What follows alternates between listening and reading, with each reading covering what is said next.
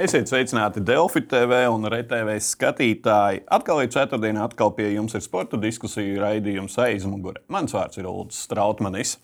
Pērnā gada beigās un šī gada sākumā iesprūda sporta valsts finansējuma jaunais modelis. Sporta likuma jaunā versija tā arī joprojām nevirzās jau trešo saimnes sasaukumu.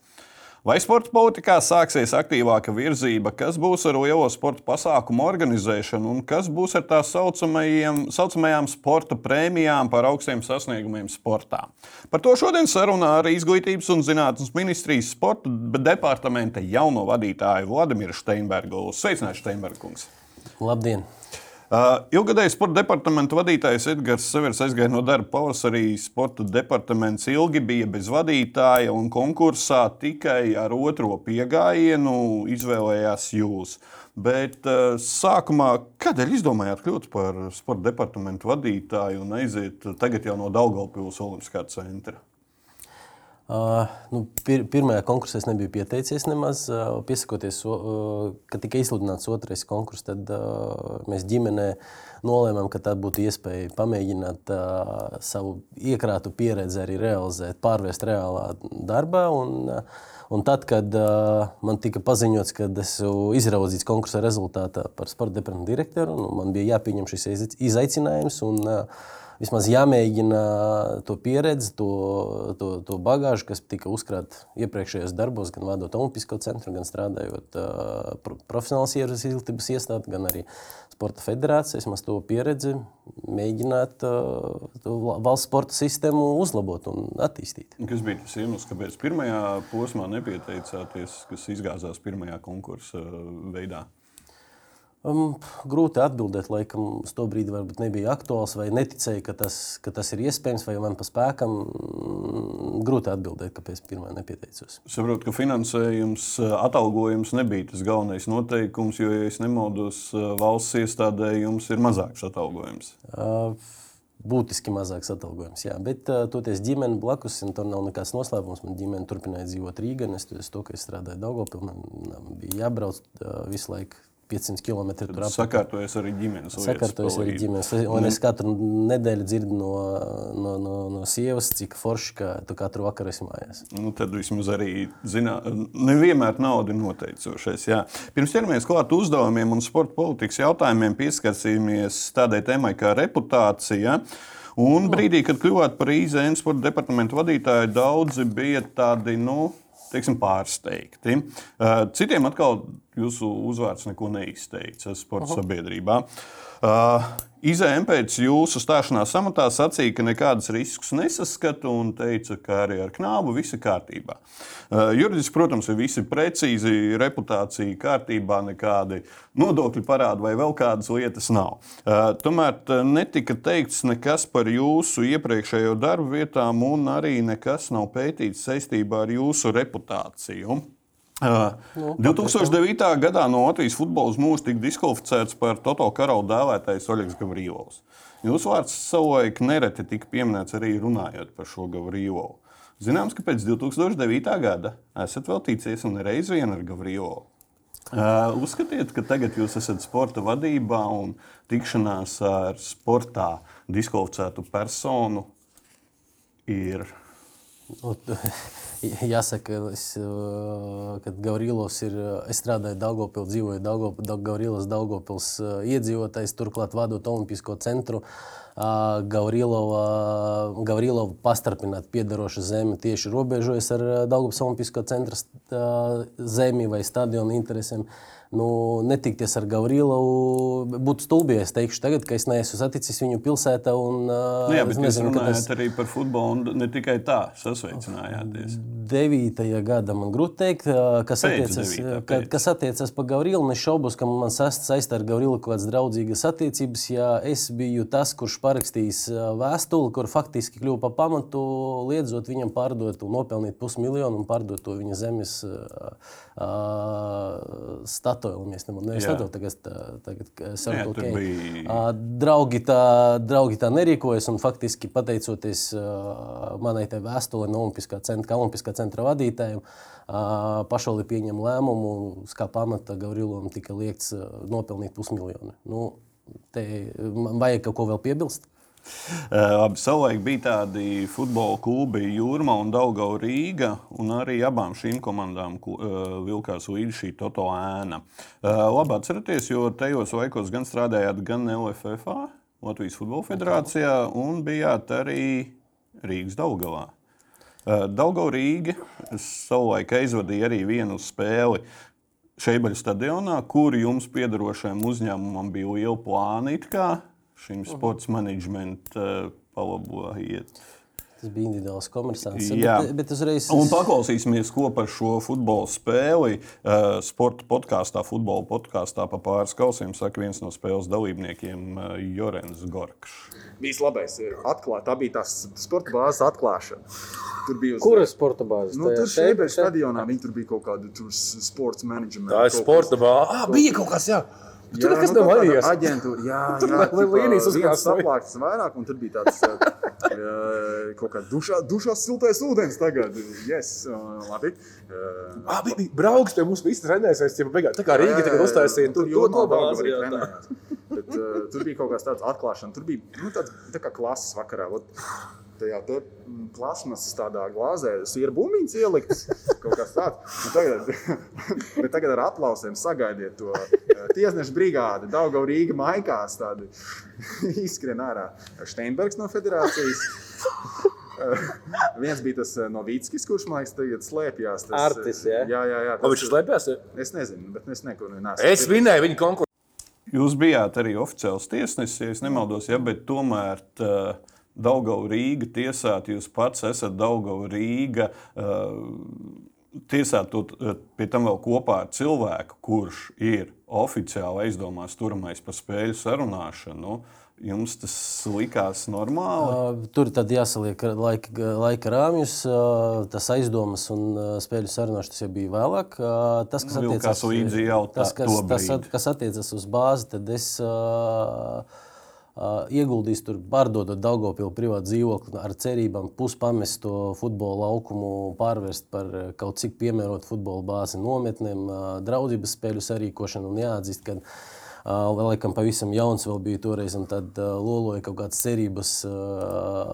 Rezultāti viss beidzies to, ka tā nauda, ko esmu ieguvis pārdodot privātu dzīvokli un ieguldījis bāzē, pazudusi, jo gan Daugava Rīga, gan uh, citi klubi palikuši parādā, kāds, ja nemaldos, pie, pie 20 tūkstoši, faktiski viss tā nav. Nu, uzņēmums vēl palicis. Uzņēmums tas ir individuāls komersants, uh, tas ir mans uzņēmums. Pats jā, individuāls jā. komersants, kurš faktiski pēc tā arī pārtrauc kaut kādu darbību, jo tie privātie līdzekļi, kas tiek ieguldīti bāzē, faktiski pazuda, jo tie klubi, kas uh, izmantoja šo bāzi, tā arī nesamaksāja neko. Bet uh, jūs pats saprotat, no kurienes radās aizdomēni par Rīgas Daugavu un šīs te totāla lietas? Uh, Jo jūs tur bijāt iekšā, tas es, bija jūsu es biju uzņēmums. Pēc tam, pie, à, uzņēmums uh, nu, bet viņš sadarbojās ar šo klubu, un jūs redzējāt, tikko skanēja. Iz, izskrējāt laukumā Rīgas Daugos krekliņos. Es, nu, tad es vēl biju tiesnesis. Bet Rīgas Daugos krekliņos. Nē, nu, tas es ka neatbilst patiesībai. Man uh, bija fo, sava forma tiesneša. Labi, bet, bet, jā, bet, Jautājums par to, ka es pats esmu apdedzinājies ar to, un uh, tāpat Rīgas Daugos un tie piesauktie jūrmos klubi radī, radījuši man personīgi zaudējums ap 20,000 eiro, kas bija tā nauda, ko es ieguvu pārdodot savu dzīvokli Daugopilī un ieguldot, cerot attīstīt šo sporta bāzi. Es pats šajā, šajā lietā varbūt man bija jābūt tādam uz tālredzīgākam vai biznesa kontekstā vairāk pieredzējušam, bet es pats tajā brīdī guvu zaudējumus ap 20,000 eiro. Uh, jā, uh, IZM preses paziņojumā, starp citu, par jūsu iepriekšējām darba vietām šis posms netiek minēts. Es ceru, ka CV jūs norādījāt šo es darbu faktiski, posmu. Pat uzņēmumu vai pat es šaubos, ka es tur palīdzēju oficiāli biju noformēts. Nu, jūs preses konferencē parādījāties oficiāli Jā, kā ģenerālmenedžers, ja jūs, nemaldos. Jūs, vai... zināt, jūs zināt, ka 11 gadus atpakaļ strādāja tā sistēma. Visa. Es neatceros, lai es baidos sam, pateikt neprecīzi, bet man šķiet, tas pat nebija oficiāli darbinieks. Jā, labi.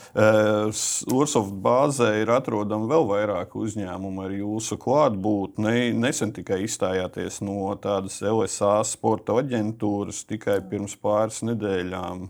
Tas ir loģiski, stājoties amatā, es attiecīgi mēnesis ir, lai uh, izstāties. Jā. Ko es arī izmantoju? No biedrībām izstāsieties sporta, kas jums vēl velkās līdzi. Viņas faktiski viņas nedarbojas, bet nedarbojas, viņas ir bet, protams, jā. fiziski protams, aktīvas darbības. Savspils futbola klubs, uh, futbola biedrība vai kā viņi Ā, sauc. viņi no savspils. 12. vai Jā, 11. ne, gada viņi ir joprojām aktīvi. Jūs pats esat likvidātors, starp citu. Nu, viņi Bet ne, nedarbojas, ja es nejaucu ar futbola jā, Salaspils, to manis dibināto, laikam, 9. gadā. vai kaut kā. Savulaik ar Vladimiru Žuku izveidojāt biedrību Rīgas futbola skolas atbalsta biedrība.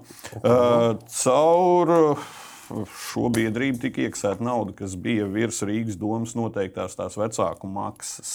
Vēlāk jau nācās izstāties jums no biedrības, jo pats kļuvāt par Rīgas futbola skolas direktoru vietnieku. Šis te, ka jums tagad jāstrādā ar valsts finansējumu. Un tad jūs mēģinājāt eh, no vecākiem, lai neiet cauri kasēm. Nē, te Uldi jābūt precīzam.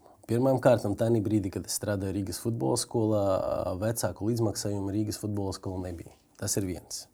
Otrais, tajā biedrībā, ko jūs pieminējat, neiekasēja naudu par treniņiem, bet gan vecāki paši maksāja gadījumā, ja ir kaut kādi virsmaksājumi attiecībā uz komandēm, uz Baltkrievijas turnīriem. Toreiz bija populāri Baltkrievijā braukt. Es atvainojos, eh, šīs klubs saņēma no Rīgas domas finansējumu apmēram 1 miljonu eiro apmērā un apmaksāja šos braucienus, jo tas ir Rīgas pašvaldības klubs un pašvaldība apmaksāja braucienus. Tā kā bet par tas ir- šo te mēs varam strīdēties stundām. Respektīvi, ilgi. Pa, pa tam vecāku līdzmaksājumu tas vispār vecāku līdzmaksājumu tika ievest, kad manis vairs nebija Rīgas futbols. Nu, tāpēc jums nācās izstāties, tāpēc, ka- Nē, kad es vispār jau, kad es pārgāju strādāt Daugavas Olimpisko centru, tikai šeit būtisks tas laika grafiks, lai mēs neliekam visu Labi. kopā vienā, Labi, vienā labi. grozā. Es jums parādīšu, atradīšu okay. maksājumus, kur bija tajā laikā. Okay. Vēl. Labi. Uh, pāriesim pie jūsu darbiem. Un, ja tā var teikt, kāds bija saucamais severa mantojums? Ar ko jūs atnācāt, ko jūs ieraudzījāt, kas jādara, kas nav izdarīts? Kāda bija situācija kabinetā? Starp mani un Severu ir uh, vēl zināms posms, jo Edgars, uh, es ne, nemaldos, atstāja pavasarī darbu. Es strādāju jūlijā beigās, tad, tur zināms posms, gandrīz pusgads, laiku, nu, uh, gan gandrīz nepilns pusgads, jā. kur, kur arī strādāja arī kolēģi Ginta Ozola. Uh, Mantojums ir ļoti, ļoti vienkāršs. Kopš 2020. gada, kad arī attiecīgais ministru kabinetā sēdes protokola lēmums, protokola lēmumu tika apstiprināts info- informatīvais ziņojums, kura jau tika ā, nolēmts, ka viens no minēta uzdevuma darbības rezultātiem paredz ievest jaunu sporta nozares finansējumu pārvaldības un, administratīvas pārvaldības modeli. Tad, respektīvi, tas jautājums, kas šobrīd ir aktuālākais un, un, un, un akūtākais, ir tas pārvaldības finansēšanas modeļa maiņa. Vēl kas jau no Nu, to vajadzēja 2020. mainīt gada. Pagājušā gadā Saimnes apakškomisijā, iepriekšējā Saimnes apakškomisijā izgāzās šis projekts un netika nekur apstiprināts. Uh, Nu, kāda ir tā vīzija un kad tas sāks strādāt? Es saprotu, ka šobrīd Saimnes apa sporta apakškomisijā ziņojāt, ka ir divos etapos paredzēts to mainīt. Ja? Tad būs kaut kādas izmaiņas no 1. janvāra jau. Mums ir jāpiedāvā izmaiņas, lai mainītu tās, tās, tās problēmas, lai risinātu tos problēmu jautājumus, kas valkas, kas jau minēju no, no, no, no, no, no, no 2020. gada, kad ah, pirmo reizi šis jautājums tika aktualizēts. Mums joprojām šodien darbojas tas modelis, kas, kas ir darbojies vairākus gadus atpakaļ. Joprojām ah, Sporta federācijas saņem finansējumu no četriem dažādiem avotiem. Joprojām vairākas organizācijas pārvalda valsts finansējumu, iekas- ieturot diezgan būtisku admi- ad- administratīvo. Veicot to būtisku administratīvo ieturējumu, mums šobrīd uh, izmaksa pāri miljonam uh, tikai valsts naudas pārvaldīšana ar nevalstiskajām organizācijām. Ja mēs runājam par, par administratīvajām izmaksām, uh, Tas ir gadā miljons. pāri miljonam Jā. gadā. Jā. Tas ir, runāsim tieši tā, ir Latvijas Sporta Federācija padome, Latvijas Olimpiskā komiteja. Šobrīd, tā, šobrīd tieši jā, tas divas organizācijas. Nu, tur attiecīgi jā. vēl apakšā Jā, Olimpiskā komiteja, Olimpiskā vienība, Olimpiskā vienība, sociālais fonds. Jā, tā tas Bet tas Patiešo tās ir jums ir divas. Tās administratīvas izmaksas ir jāmazina, kā arī tika noteikts vairākos, ā, ministru kabineta lēmumos, sporta politikas pamatnostādnēs un pārējos. Uz cik? Nav noteikts uz cik, bet mums jānodrošina A funkcijas. B. Jāsamazina no. investīcijas izmaksas. Tas, tas ko, ko, mēs šobrīd nodarbojamies. Mēs Pirmais, tas, ko es esmu pārņēmis un kas man pārsteidza, ka faktiski nav nošķirta var- valsts sporta likuma deleģēto funkciju vai uzdevumu ā, izpilde un finansējums tam, un valsts līdzekļu tālāk pārdalīšana. Tas nav atdalīts lietas. Faktiski nevalstiskas organizācijas saņemot valsts budžeta līdzekļus, ietur no visas nosīt summas kaut kādu administratīvo maksu, bet uh, nav precīzi tāmas, cik izmaksā mums uh, treneru, sporta reģistra uzturēšana. Un arī atskaites nav teiksim, tādas. Attiecīgi arī tādas- tas atskaits nav, nav, nav, nav atsevišķi izdalīts. Tas pirmais, ko mēs gribam panākt, lai mēs precīzi saprotam, mūsu deleģētas funkcijas maksā tik. Mums valsts līdzekļu tālāk pārdalīšana federācijām maksā tik, lai attiecīgi no tā saprastu, nu, tad izsecināt, vai tas ir izdevīgi valstī vai neizdevīgi. Jo arī var, var valsts tas iekārtas likums arī nosaka, ka tās deleģētas funkcijas var būt nu, deleģētas tad, ja tas ir izdevīgi. Es pareizi saprotu, ka valsts nevar izsekot, kur aiziet nauda sportam, kaut, kādās, nu, kaut pozīcijās. Ja? valstī šobrīd līdz galam nav saprotams, cik uh, deleģētas funkcijas sporta likumā izmaksā, jo tam ir jāiet līdzi naudai, un cik izmaksā vienkārši valsts naudas pārdalīšana tālāk federācijām. Tas šobrīd nav nošķirts. Mums tas ir jāizdara, un tad izvērtējot vai atkārtot izvērtējot, vai tas deleģētas funkcijas ir izdevīgas, jo mēs tās deleģētas funkcijas varam deleģēt tad, ja valsts konstatē, ka valsts pati to nevar darīt tikpat labi vai tikpat ekonomiski izdevīgi, kā nevalstiskā organizācija, kura tās funkcijas tiek deleģētas. Nu, tad paskatīsimies uz ekrāna. Jūs stājoties amatā, teicāt, ka ņemot vērā Latvijas valsts mežu ziedojuma prakses izbeigšanu, diskusijas par sadarbības partneru skaitu un finansējumu sadalīšanas kritērijiem, svarīgi maksimāli ātri piedāvāt vīziju par turpmāko nozares pārvaldības modeli. Ir septembra beigas, divi mēneši pagājuši. Jūs redzat šo vīziju? Kas ir tā vīzija? Kas tad ir uh, finansējuma avots? Jūs sakat, ka vajag, vajag, vajag, vajag mainīt. Jā. Bet kas, kāda ir tā vīzija? Ā, Vīzija šobrīd ā, top. Mēs ā, skaņojam iekšējā ministrija pēdējos juridiskos momentus, lai attiecīgi mēs arī varētu publiski par kaut ko teikt, kā, kā būs turpmāk. Ā, Mums jāsaskaņo līdz galam iekšējais viss process, bet ā, galvenais uzdevums, lai mēs ā, samazinām administratīvas izmaksas, pieliekot šo naudu sporta federāciju pamatdarbības nodrošināšanai. Bet vai šī vīzija ir saskaņota arī ar šīm sadarbības partneriem, kā jūs sakat, nevalstisko uh, uh, sektoru, tātad Latvijas Sporta Federācija padomi un Latvijas Olimpisko komiteju, jo, kā zināms, iepriekšējais strīds starp abām šīm organizācijām un IZM noveda ne pie kā, jo palika pie vecā finansējuma.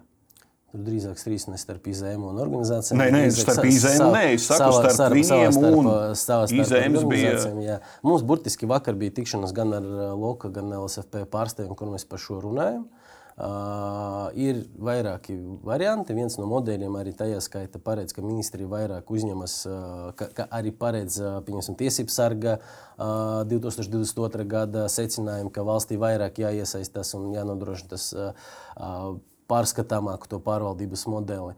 Uh, Šobrīd ir paralēli arī notiek sarunas par LOKU un LSFP apvienošanu, kur, uh, kur, kuras jau notiek jau diezgan ilgu laiku. Vakar uh, man tajā skaitā tika prezentēts pirmais tā nosacīti jauno LOKU statutu drafts, kurš ir nu, pavisam tāds pirmais uzmetums. Ja? Un Tad attiecīgi abu divu organizāciju vadītāji informē, informē par to, ka viņi virzās uz abu divu organizācijas apvienošanas uh, pasākumu, ja, ka viņi taisās apvienot abas divas organizācijas un biedrus un kļūt par pa vienotu, pa vienu sadarbības partneri valstī.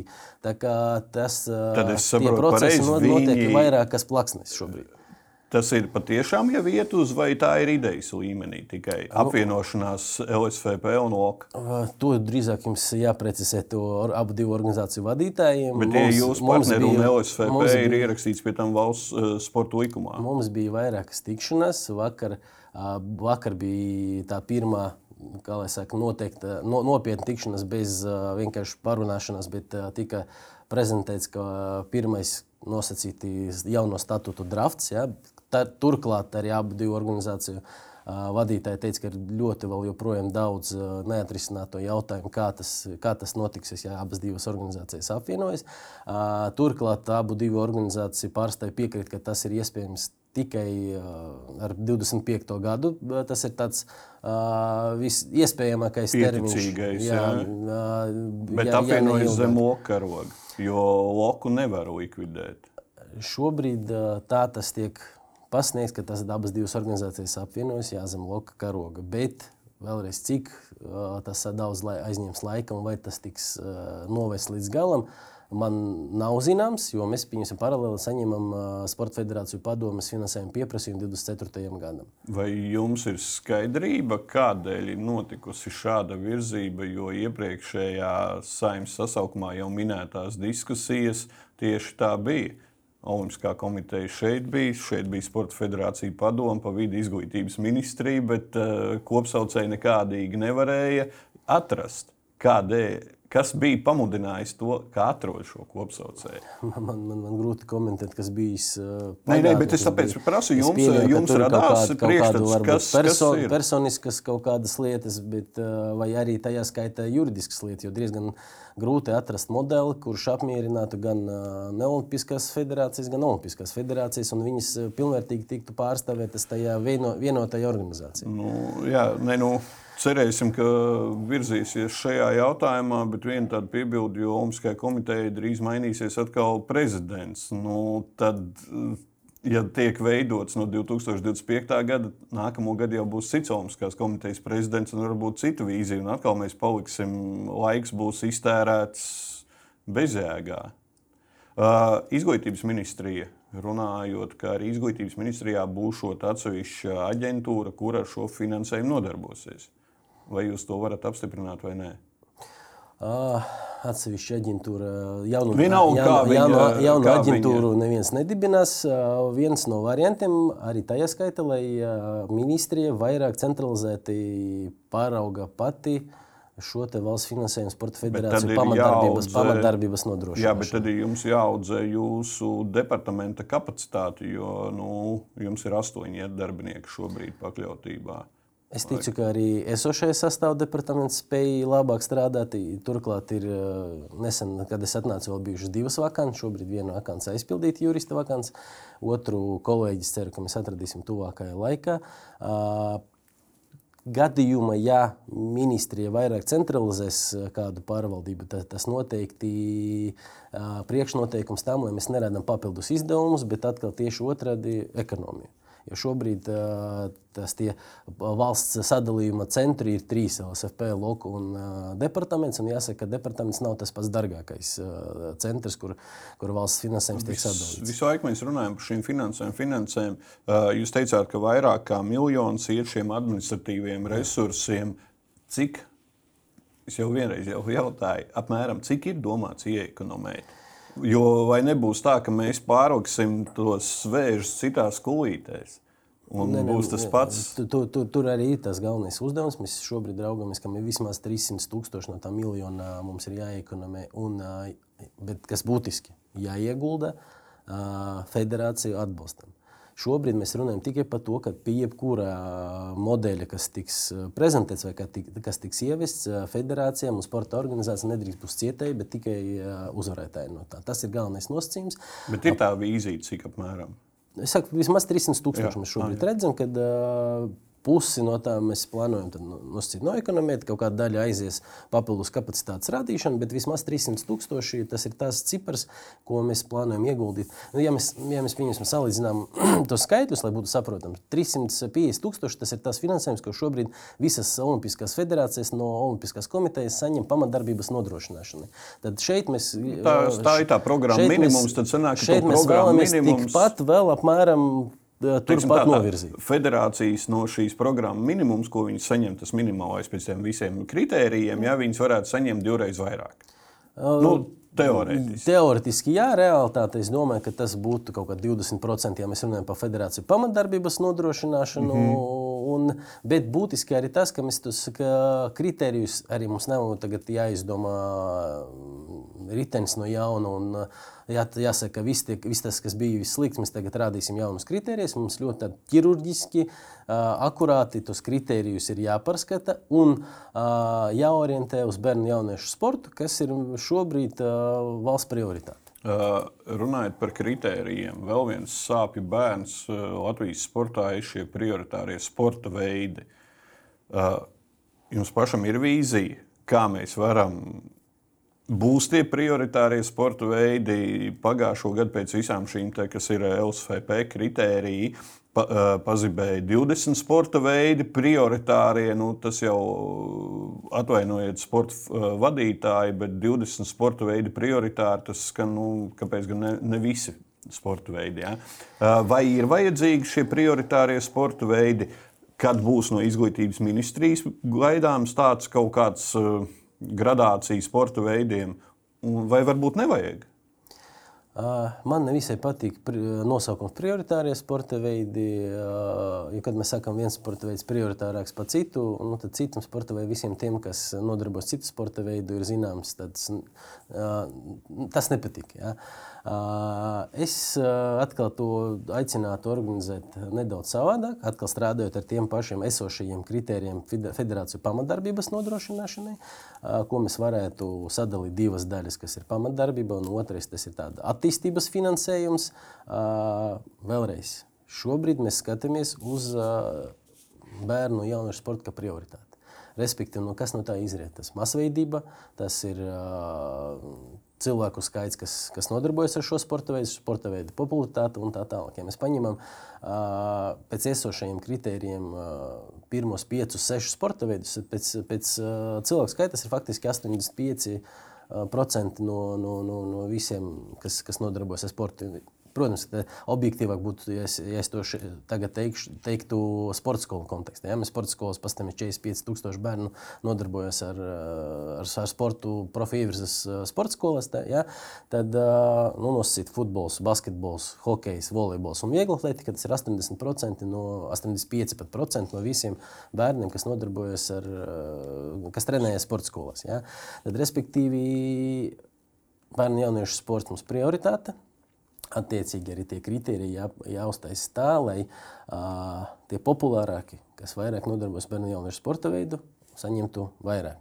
Protams, neaizmirstot par augstiem sasniegumiem. Tad mums ir tādi divi noteicoši faktori - augstie sasniegumi, uh, masveidība.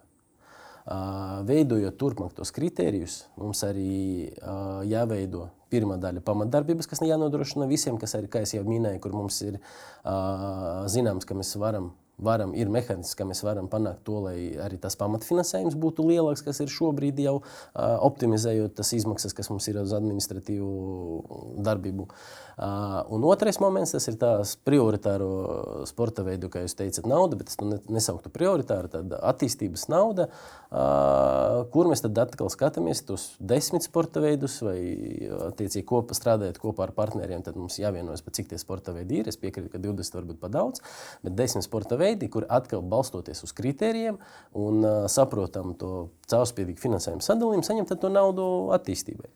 Jā, kritēriji ir dažādi. Kā, jo, piemēram, kā, kā piemēram, masveidīgākais ir futbols, bet sasniegumu futbolam mums diemžēl nav. Un diezgan pretēji ir teiksim, ar kaut kādiem ziemas sporta veidiem, kuros mums nav masveidība, bet ir sasniegumi. Precīzi, tad, ja futbols mums pieņemsim pie, pirmajā piecinieka pamatkritēriju kontekstā, tad vai viņš saņems lielāku naudu no tās papildus naudas, tas ir jautājums.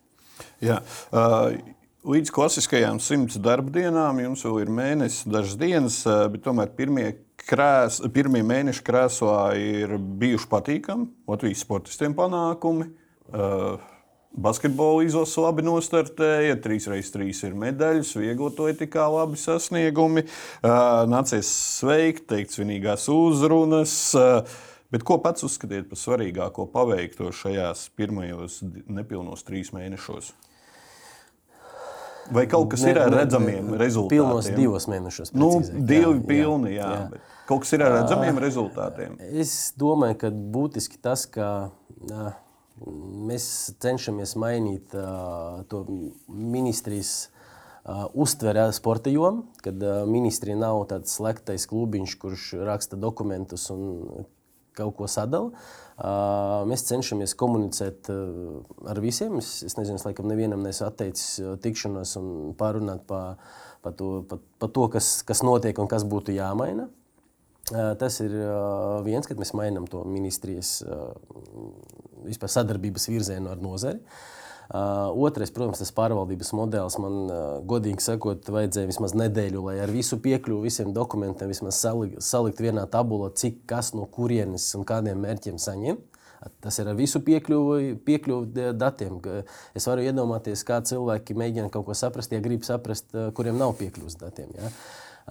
Tad, balstoties uz tiem datiem, arī tālāk veicināt to vīziju, kā, kā mēs virzamies uz priekšu. Jo saprotams, ka tā kā bija līdz šim, nu, vairs nevar turpināties. Mums ir jāiesaka tas pārmaiņas, varbūt ne uzreiz visu pakāpeniski, jo mums arī attur arī no tam būt, tādam būtiskākam pārmaiņam esošais sporta likuma regulējums, kurš arī būtiskākas pārmaiņas, ja tas uh, ir paredzēts, būtu jāiekļau arī jaunajā sporta likumā, respektīvi.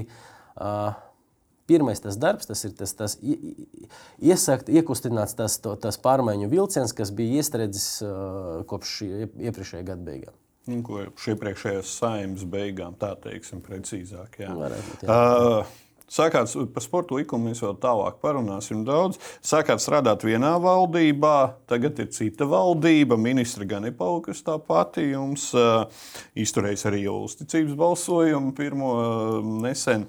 Uh, valdības deklarācija, 15. punkts, kurā ir šis sporta, sporta punkts, sauksim tā. Panākumi, panāksim veselīgi nodzīvot mūža dzīves gadu pieaugumu Latvijas sabiedrībā, tajā skaitā sekmējot aktīvu dzīvesveidu. Modernizēsim sporta nozari, piedāvājot sporta izglītības finansēšanas modeli, kas sniedz plašākas iespējas bērniem un jauniešiem, kā arī sniegsim iespēju attīstīt profesionālo klubu sistēmu atbilstoši starptautiskajām tendencēm, pēc skaidriem un caurskatāmiem kritērijiem atbalstīsim augstu sasniegumu sportu, tā izskaitā olimpisko un paralimpisko sportu. Ļoti labi skan jūs. Bijāt klāt pie deklarācijas, kaut kur strādājāt?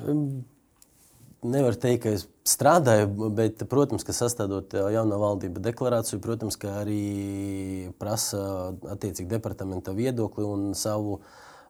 Nepareizi ne, ne interpretāciju, bet savu pienesumu tai deklarācijai, protams. Uh, profesionālo klubu sistēma ir valsts uh, uzdevums?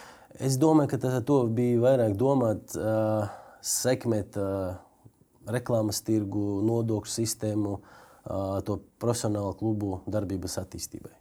Nevis mm. valsts paraudzīt vai finansēt uh, profesionālus klubus, bet sekmēt uh, esošo sistēmu, esošo ir tirgu. Ir kaut kas jāmaina nodokļos. Uh, ir tagad arī paredzēts, cik es zinu, Finanšu ministrijas, Finanšu ministrijā tiek gatavots informatīvais ziņojums, kur ir paredzēta nodokļu atvieglojuma attiecībā uz bezpējas organizāciju, sniegto pakalpojumu, nodokļu slogu. Protams, ka mums arī jādomā par, par reklāmas tirgu, kas, kas, kas notiek. Vai ir klubiem iespēja piesaistīt to finansējumu?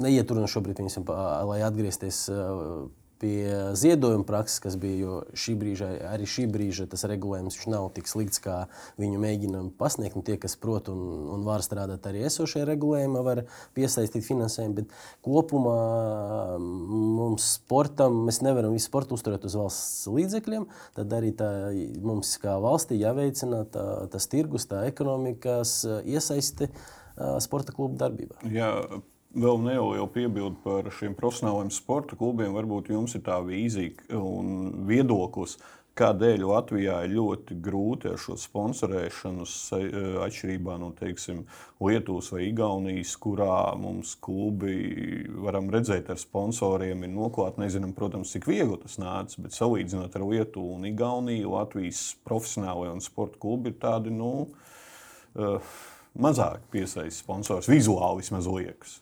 Es domāju, ka tas saistīts arī ar kaut kādām vēsturiskām tradīcijām, vai uh, es pats esmu saskaries ar, ar, ar, ar situācijām, kur sponsors saka, es tev iedošu naudu, bet uh, neliec nekur man logo, lai, lai uh, citi nedomā, ka man daudz naudas, ka es varu atļauties vēl sporta sponsorēt.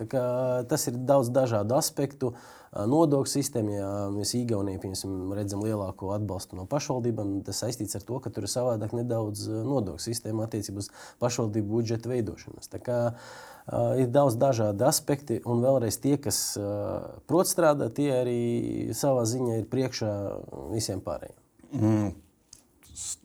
Jau minējāt ļoti daudz darbus, kas ir darāms, vēl tūlīt pieskarsimies sporta likumam, bet vēl viens, kas ir uzreiz, kas ir akūtāks, Tas ir nākamā gada valsts budžets, jo tas jau parasti rudenī tiek sakārtots. Un, uh, esat redzējis sporta budžetu, uh, esat sapratis, pie kā jums jāstrādā, uh, izdosies palielināt, būs mazāks.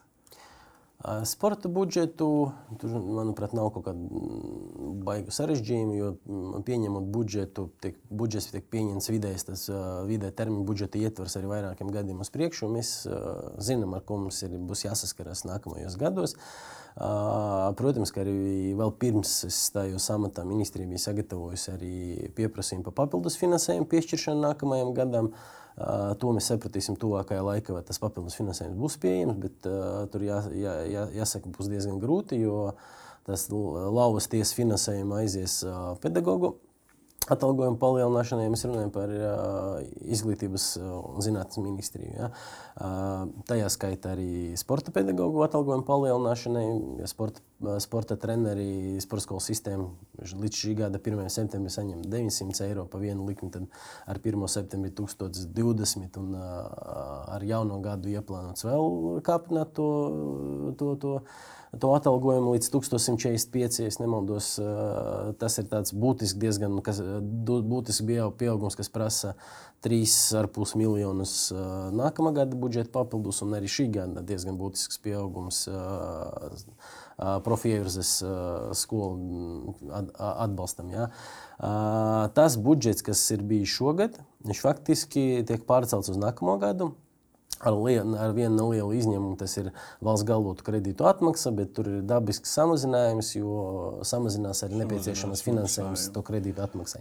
Pārējās pozīcijas paliek tādas pašas, ar vienu nelielu tādu piebildi, kad uh, tiek apvienots vairākas apakšprogrammas, jo iepriekš uh, sporta budžeta bija izdota atsevišķi augstas klases sports, dotācijas sporta federācijām, starptautisku pasākumu, paralimpiskā komiteja.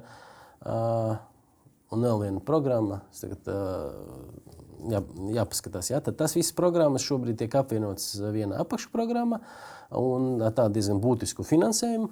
Tas atvieglos turpmāk šo, šīs programmas pārvaldību. Respektīvi, ja agrāk vajadzēja pārcelt naudu no Piekta programma šeit bija naudas balss. Ja, ja agrāk vajadzēja pārcelt uh, finansējumu ar ministru kabinetes lēmumu no vienas programmas uz otru, tad šobrīd uh, tas finansējums, pieejamais finansējums tam, tam apakšprogrammam tiks uh, lemts iekšējā ministrijā ar ministrs lēmumu. Šobrīd teikšu paldies RTV skatītājiem. Pilnu ierakstu skatieties sarunā ar Vladimiru Steinbergu portālā Delfi. Tiksimies jau pēc nedēļas ceturtdienā. Un Turpinām portālā Delfija sarunu ar Vladimiru Steinbergu. Sporta likums. Laikam no visiem, visiem ir lielākais sāpju bērns. Uh, Sākotnēji plānots, ka līdz 2023. gada beigām tam ir jābūt gatavam. Nu, šobrīd jau ir skaidrs, ka tas nebūs. Jā. Uh, tagad ar visām izmaiņām, kas bija valstī, valdība mainījās. Septembrī sanācāt uz pirmo sēdi. Īsumā, kas pirmā sēdē izdarīts, jo skaidrs, ka tā ir tikai prim, pirmā sēde no daudzām. Uh, pirmā sēde bija mums pavisam neilga, viena stunda, uh, kur uh, es faktiski darba grupas priekšā prezentēju tos virzienus, pa kuriem mums jāstrādā. Mēs esam vienojušies, kā mēs strādāsim, nedaudz uh, padiskutējam par tiem aktuālākiem, par tiem aktuālākiem jautājumiem, kas ir sporta likuma kontekstā. Mēs bijām centušies tā īpaši ne, neiesplūst diskusijās un labāk to koncentrēt uh, salikt konkrētajos priekšlikumus. Uh, es esmu piedāvājis uh, darba grupas pārstāvjiem, kas arī, protams, tālāk, kā piemēram Latvijas Sporta Federāciju padomē, to piedāvāja arī saviem biedriem, federācijām iesniegt priekšlikumus, piedāvāt konkrētu veidlapu, lai mēs strādātu nu, kvalitatīvāk. Mēs izstrādājam speciālu veidlapu. Par to, kas ir šobrīd esošajā regulējumā aktuāls un, kas, un vai tas būtu jāmaina, vai atkal būtu jāievieš kaut kāda pilnīga jauna, pilnīgi jauna regulējuma sporta likuma. Šobrīd mēs līdz 9. oktobrim gaidām priekšlikumus kurus mēs centīsimies maksimāli ātri apkopot, un tad jau nākt uz otro sapulci, lai sāk strādāt ar, ar, ar pirmo šiem pie, priekšlikumiem. Sporta federācijas visas ir aicinātas izvirzīt savus pieteikumus, ir publiski pieejams kaut kur, kur var iesniegt to elektroniskā veidā. Sabie, sporta sabiedrības sportisti, sporta žurnālisti. Sporta žurnālists saņems atsevišķu aicinājumu, bet tas ir darba grupa, bija maksimāli plaši nodefinēta. Darba grupa visiem tiem dalībniekiem bija tas piedāvāts, un ar viņiem arī aicināts arī iesaistīt maksimāli, maksimāli plašu. Bet, uh, jautājums bija tāds, vai sporta federācijām ir izsūtīts šis aicinājums. Uh, lūdzu, iesūtiet idejas sporta likumam. Šobrīd mēs varam viņu vaļā, ir organizēta darba grupa, un tajā mēs apspriedīsim, vai viņiem ir platforma, kurā elektroniski viņi var atsūtīt jautājumus. To veica Sporta federāciju padomu. Es arī biju ielikts tajā paziņojumā, kā kopiju saņēmu Sporta federāciju padomu, izsūtīju to mūsu sagatavotu mm. veidlapu. Tad mēs redzēsim, cik aktīvas ir uh, Protams, federācijas, jā. jo par šo jautājumu arī ir ļoti daudz diskusijas arī dažādos apcirkņos par to, ka federācijas īstenībā pašām ir akmentiņš viņu lauciņā, jo neiesaistās aktīvi sporta dzīves sakārtošanā un veicināšanā tad mēs arī redzēsim, cik būs šie priekšlikumi. Runājot par pašu sporta likumu, jā, varam paskatīties uz ekrāna. Pieņemts, apsveicam, ir 21 gads jau. Pagājušo gadu runāju šeit studijā bija apaļi 20 gadi, ir vēl viens gads jau klāt. Stājies spēkā gan jā, 27. Jā, 27. novembrī 2002. gadā. Būtiskākās lietas, ko jūs redzējāt jau uzreiz pirms priekšlikumiem? Kas ir jāmaina tur? Būtiskākās lietas ir izriet no uh, sporta politikas pamatnostādnēm, kur ir nodefinēta uzdevuma attiecībā uz valsts deleģētu funkciju pārskatīšanu, pārvaldības modeli. Šobrīd ļoti aktuāls jautājums ir antidopinga regulējums, uh, kur mēs arī diezgan operatīvi saņēmām no antidopinga aģentūras savus priekšlikumus. Jā, valsts bija vienā brīdī pat uz uh, Jā, zināmiem draudiem, ka mums draudēja par antidopinga neievērošanu. Uh, noteikumu tās, tās, tās lietas, kas šobrīd ir aktuālas, tajā skaitā tas ir pārvaldība un deleģētas funkcijas. Arī mums ir jāpārskata deleģētas funkcijas. Šobrīd ir arī zināmas problēmas ar formulējumu arī sporta līkumu, kā, pieņem, kā piemēram noformulēts, kad augstas klases sporta programmu realizē SIA Latvijas Olimpiskā vienība. Nu, vai tas ir pareizi, ka mēs likumā definējam konkrētu SIA un uzdodam konkrētu SIA, kas, kas to realizē, bet īstenībā pēc būtības uh, Šobrīd arī augstas klases programmu nerealizē SIA Olimpiskā vienība, neskatoties uz to, ka viņi ir ierakstīti likuma, to realizē Latvijas Olimpiskā komiteja. Tad, respektīvi, vairāki tādi momenti, kas, kas, kas būtu jālabo, kas būtu vai nu jāpakārto reālai dzīvei, vai nu atkal reālo dzīvi ir jāmaina un jāpārskata funkcijas, jāpārskata visu to sporta pārvaldības sistēmu, un tad attiecīgi tas ir jānodefinē sporta likumā. Uh pirms gājāt uz šo pirmo sēdi, jums bija skaidrs, cik daudz jāliek ir iekšā sporta likumā un cik ir jāatstāj šajos administratīvajos nolikumos, kaut kādos iekšējās rotācijas lēmumos. Un, un... Es domāju, ka MK notiekumi. Jā, jā, jā. Nu, vienalga arī izglītības ministrijas iekšējos regulējumos. Mm. Pie tā mēs šobrīd arī strādājam. Tuvākajā laikā arī plānojam tikties ar, ar, ar, ar attiecīgi, lai, lai saņemtu attiecīgu juridisku atbalstu, varbūt Saimas juridisko biroju. Jo tās likums, kas tika rakstīts pirms 21 gada, nu, faktiski jau šobrīd neatbilst uh, tam mūsdienu likuma rakstīšanas prasībām. Līdz ar to mums šis jautājums arī attiecīgi procesā ir jārisina, lai tas uh, dokuments, ko mēs piedāvāsim saimai, viņš atbilst arī mūsdienas likuma rakstīšanas prasībām. Tas arī ir tas jautājums, ko, kas īstenībā arī bija pacelts no deputātu puses. Mūsu komisija pārstāv divi deputāti, Raimons Bergmans un uh, uh, Dāvis Daugavietis. Uh, no viņu puses arī šis jautājums bija aktualizēts, mm, lai, lai, tāds, lai, lai, lai attiecīgi mēs arī gatavotu to, to dokumentu atbilstoši mūsdienu prasībām. Strādājot pie šīm finansējuma izmaiņām, strādājot arī pie sporta likuma, cik daudz pirmajos divos mēnešos esat izjutis, cik sporta organizācijas, un arī federācijas, un arī varbūt kaut kur atsevišķas sporta personības velk to savu deķīti uz savu pusi, nedomājot par sportu kā tādu sporta sistēmu kopumā. Viņiem tikai svarīgi savs labums. Izjūtat šo spiedienu? Mm. Godīgi sakot, pagaidām īpaši neizjūtu. Es, nu, es neteikšu, ka viss tik slikti, ka uh, to var, varbūt es neesmu vēl saskaries pagaidām. Ja, bet, uh, bet šobrīd ar visiem, ko mēs, ko mēs runājam, mēs runājam sporta veida attīstības kontekstā, nevis kaut kādu personīgu interesu kontekstā. Jā. Runājot par sporta likumu, viena no funkcijām, kas ir deleģēta Latvijas Sports Federācija padomēji, tas ir zem viņiem ir šie treneri. Un tā tālāk, kas arī īstenībā nav skaidrība. Esmu vairākas publikācijas veids, kur nav īsti kas uzrauga šos. Te nav uzraugošās institūcijas. Sports federācija padomu pasaka, ka tas nav viņu lauciņš, un tā tālāk. Uh, praktiski It kā tiek veikta sporta speciālistu uzraudzība, bet uh, fiziski nu, tādas pārbaudas nav. Pagājušā nedēļā ar kolēģi tī, no citas nodaļas tīri nejauši gājām cauri.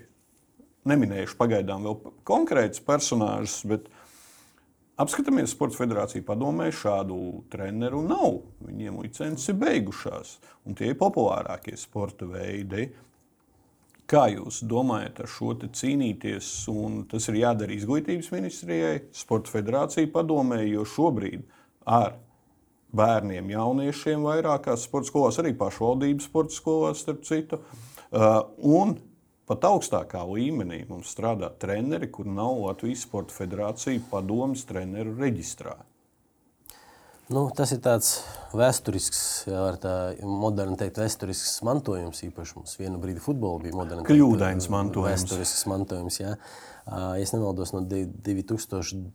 9. gada šis regulējums ir sporta likuma. Iepriekš to veica cita organizācija, bet 2009. gadā tas tika uzticēts uh, Sporta federāciju padomi. Ja mēs esam korekti, tad nevis uzraudzība, bet sporta speciāla certifikācija un resertifikācija. Jā, es tāpēc arī runāju Jā. par šo uzraudzību. Mēs certificējam, bet pēc tam šobrīd ir reāli daudz treneri, kuri strādā bez licencēm. Un vēl viens piebilde, es pats personīgi novēroju, dažās futbola skolās, ejot garām tīru laukumiem, treniņus vada reāli jauniešu komandas cilvēki. Tātad jaunie spēlētāji, nepilngadīgie, nu, varbūt arī 19 gadīgie.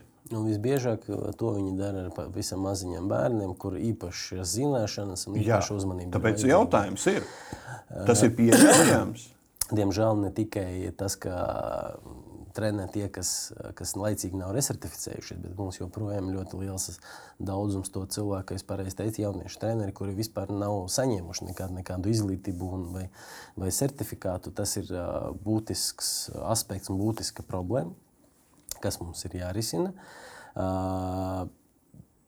Kā mēs to atrisināsim, šobrīd man grūti pateikt. Ir dažādi, dažādi veidi, tajā skaitā uh, runājot ar, ar, ar antidopinga pārstāvjiem, ka vakardien no viņiem pat ir iniciatīva, mēs nedaudz vajam no, no sporta speciāla certifikācijas, bet kopumā par uzraudzību, tad no viņiem pirms vakar bija iniciatīva arī veidot tā saucamas integrity centru, ja, kur iekļaut ne tikai antidopingu, bet arī tas integrity jautājums, ētikas jautājums, kas arī diezgan mums pēdējā laika būtiski izskanēja, būtiskas lietas, tad, lai veidotu tādu efektīvu un reāli strādājošu uzraudzības mehānismu.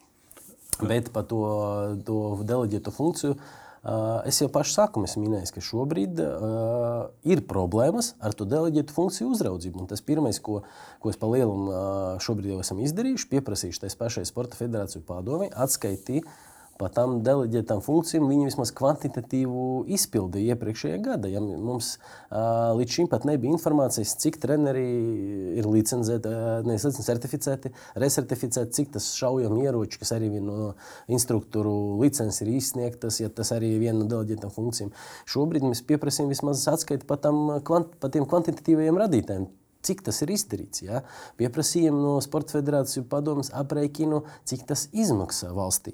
Jo līdz šim, diemžēl, tas uh, nebija kontrolēts. Tas ir vēl viens no tiem uh, aspektiem, ko es jau minēju, ka atdodam līdzekļus, bet nezinām, kur viņi tiek izlietoti. Precīzi. Ja? Tas ir mums šobrīd, mēs strādājam to, lai to saprast, uh, lai tas būtu saprotams, caurspīdīgs, aprēķināts, un tas būtu izdevīgs valstī, uzticēt tās funkcijas par to naudu, ko no mums prasa pretī. Minējāt šo treneru lietu, kas arī mums ir bijusi šo ētikas komisija. Skaļākā lieta ir uh, treneris Steļmaks, basketbola treneris lieta.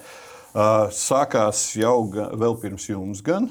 Uh, pagājuši jau pieci mēneši. Juridiski viņš joprojām ir atrodams uh, Latvijas Sports Federācijas padomus basketbola treneru certifikāts. Viņam ir darbojošs. Uh, kāda ir situācija? Jo Es vasarā publicēju vienu rakstu.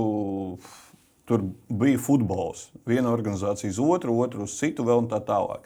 Un īsti nav neviens lēmums pieņemts. Tātad, vai viņam atstājam licenci, vai viņam tomēr atņemam. Viņam nav pat apstādināta licence. Jums ir skaidrība, kas notiek ar Steļmaha lietu.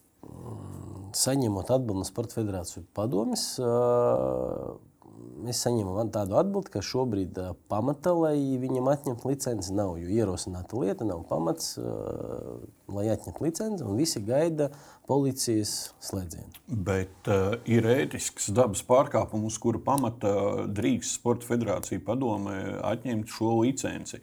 Vai Izglītības ministrija un Sporta federācija padome, izsaucot arī treneri, visas iesaistītās puses, nav konstatējusi ētiskas dabas pārkāpumus. Tas ir tas jautājums, kas šobrīd īstenībā nav noregulēts. Ētiskas dabas pārkāpums, ētikas, bet tas ir ētikas, sporta certifikācija, treneris, certifikā, lai saņemtu treneru certifikātu un lai viņam arī atņemtu. Ir šis ētisks jautājums, ir pieminēts jā, nor, jā, aktos, normatīvos. Jā, bet uh, mēs saņemam no LSFP tajā skaitā atbildi, ka tas nav juridiski noregulēts, lai par to ētikas jautājumos atņemtu viņam licenci. Kā ir taču regulējumā teikts, par ētikas dabas pārkāpumiem var atņemt licenci. Jā, bet tad viņam kāda, kāda institūcijas tos ētikas dabas pārkāpumus ir jākonstatē. Nu, bet Sports federācija padomā izglītības ministrija, kā jūs nevarat konstatēt?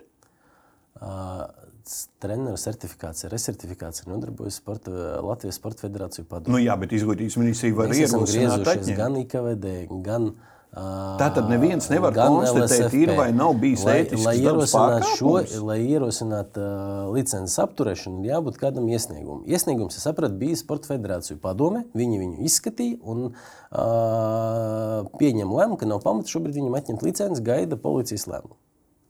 Tāda ir tā atbilde. Bija iesniegums, Sporta federācija padome, kā atbildīga institūcija. Tad, tad tā ir vēl viena lieta, kuru laikam, acīm redzot, jums būs jāstrādā, jo šobrīd neviens neuzņemās konstatēt, ka ir ētisks dabas pārkāpums, ētikas dabas pārkāpums.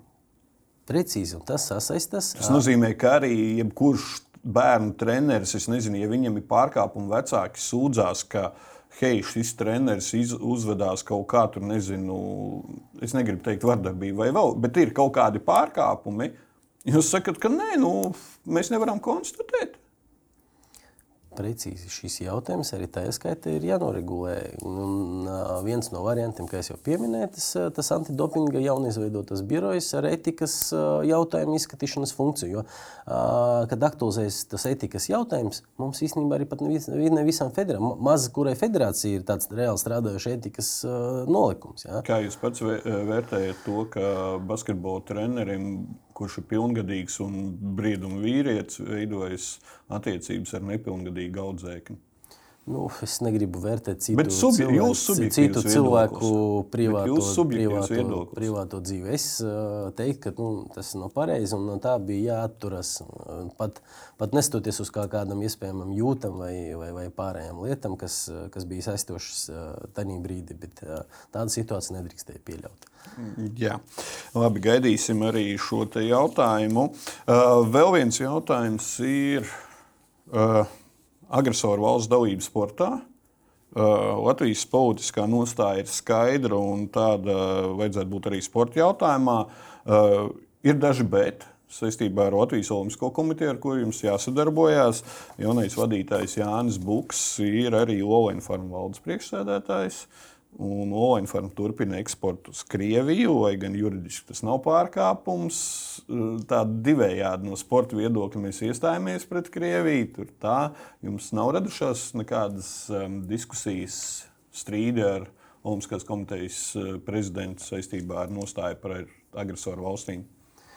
Uh, godīgi sakot, man viņa blakus darbs nav saistošs. Es neesmu interesējies, uh, kas tur notiek. Viņa nezinu, laikam pamatdarbs patiesībā. Man interesē Olimpiskās komitejas darbības kontekstā ar uz, uzdotajām, sporta likuma uzdotajām funkcijām un Olimpiskās kustības darbības nodrošināšanu.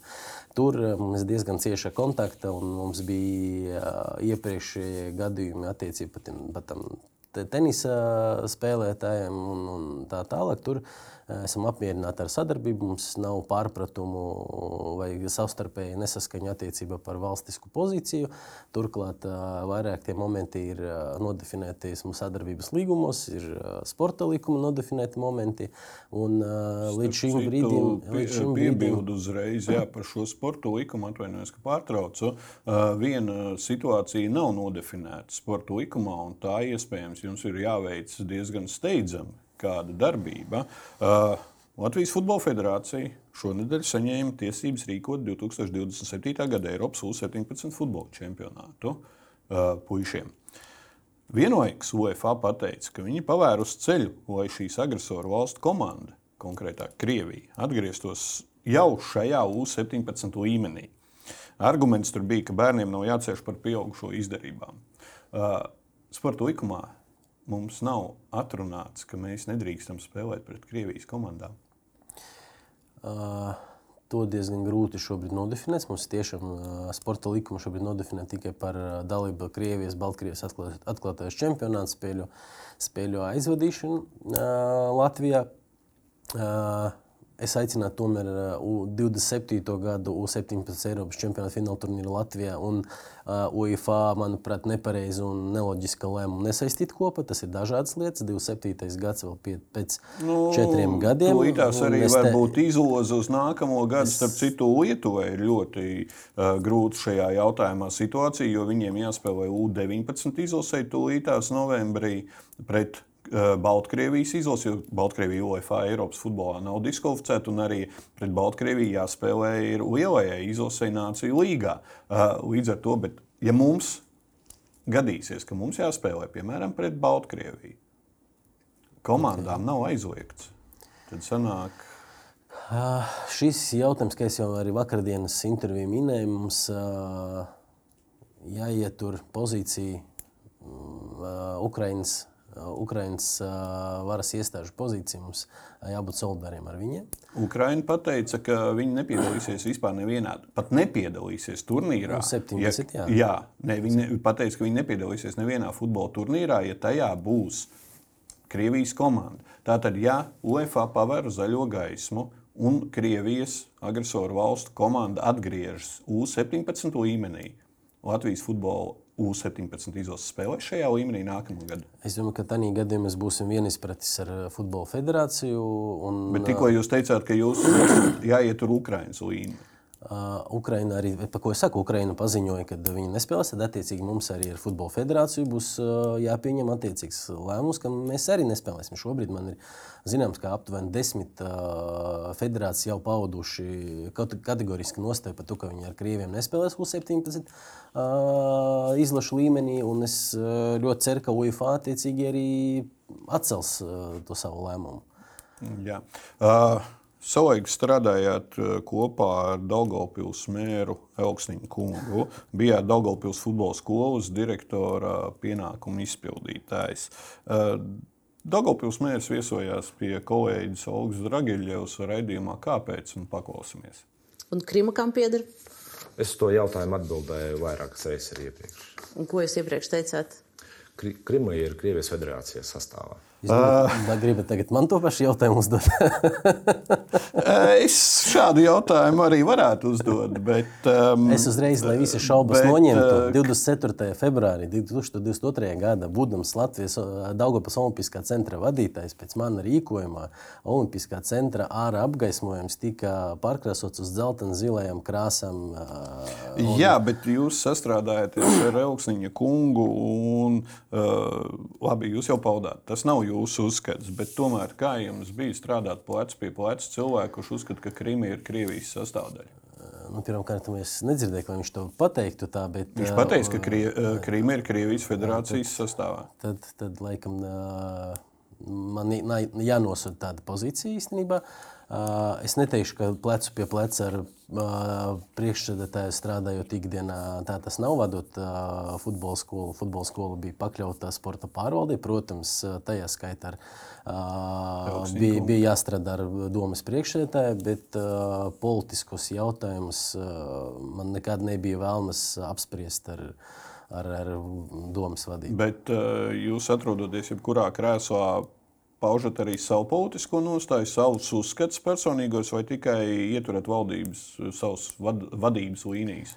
Es jums tikko konkrētu piemēru minēju, kad uh, tas bija mans lēmums, lai Olimpiskais centrs ir dzeltens un zils tieši diena, kad Krievija uzsaka karu Ukrajinā. Turklāt manam rokam cauri, personīgi satiekot, uh, aizvedot, izmitinot, pabarojot, vairāk kā 2,5 tūkstoši ukrāņu izgāja pa šo laiku, un uh, lielā daļa no viņiem joprojām sūta man paldies uh, par to darbu, ko esmu darījis personīgi. Vēlreiz, būdams Olimpiskā centra vadītājs, nevis, rīkoju, uh, ne, nevis devu rīkojumus kādam citam, bet pats braucu uz. Uh, vilciena staciju, dzel, dzelzceļa staciju, pats sagaidīju tos ukrāņus, veidu viņus izmitināt, atvest viņus pabarot vai, vai bērnam pampers nopirkt. Visu es domāju, cieņu. ka te, te nav šaubu par pa manu personīgu pozīciju. Visu cieņu. Uh, pēdējā tēma īsumā. Olimpiskās spēles Latvijā, Latvija un Zviedrija. Uh, visu laiku izskan jau pāris gadus šī vīzija. Rīkosim, darbosimies, sastrādāsimies? Uh, ja mēs runājam par 20, 2030 olimpiādu, tad uh, šis jautājums šobrīd ir aktuāls. Uh, mums nākamās nedēļas sākumā es saņēmu uzaicinājumu no Olimpiskās uh, komitejas ģenerālsekretāra piedalīties arī uh, online tikšanās ar uh, Zviedrijas Olimpisko komiteju. Šobrīd es uh, saprotu, ka mūsu pusē mēs gaidām Zviedrijas valdības lēmumu. Un, uh, pēc tā lēmuma, tad attiecīgi Latvijas valdība varēs lemt. Tas ir jebkurā gadījumā saistīts ar būtiskiem finanšu ieguldījumiem, un tad attiecīgi valdības līmenī ir, līmenī ir jāpieņem lēmums, vai mēs varam to atļauties, vai mēs gribam. Jā, jo tā ir vēl viena tēma, sporta pasākuma, kuriem mēs šodien vēl nepievērsāmies, jo nākamo gadu mums ir uh, Hokeja čempionāti divi jārīko, divi turnīri, atlases Olimpisko spēļu atlases un arī meiteņu hokeja čempionāts. Um, divīzijā viņiem ir uh, iespējams arī basketbola čempionāta. Olimpiskā atlase būs, varbūt tās, jā, kas prasīs vēl līdzekļus, un tad vēl Olimpisko spēļu gatavošanās. Nu, pamatīgi varētu būt finanšu izdevumi tieši šajā te, bet tā ir atsevišķa tēma arī, starp citu, pie kā jums ir jāstrādā. Tie ir šie sporta pasākumi, kritēriji, kā viņus atlasīt, kādi ir kriteriji, lai piesakās un tā tālāk. Tā kā, Šobrīd nu, arī, arī tajā skaitā pie tā tiek strādāts. Ekonomikas ministrija, iepriekšējā ministra uzdevuma top tā saucamais dišu pasākumu atbalsta mehānisms, kur uh, gan Eirobasket, gan uh, Rallija čempionāti tiks atbalstīti kā turisma veicinošie pasākumi, jo tas nav tikai sports, tas ir arī NT tūkstoši ārvalstu mm, apmeklētāji, kas atbrauc šeit, ienāca savu naudu, tāda veida diezgan pozitīvi ietekmējot ekonomiku. Tas ir stāsts par tā saucamajiem fiskālas neutralitātes sporta pasākumiem, gan sporta, gan kultūras pasākumiem.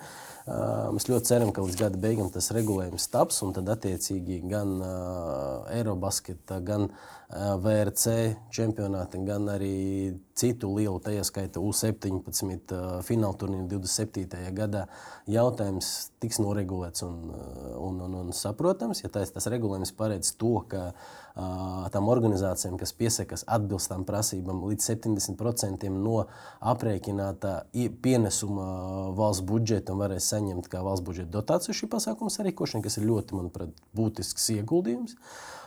Šobrīd pastāvošais regulējums arī Līja konteksta pa, pa sporta pasākumu atbalstu arī ir līdz 200 tūkstošiem.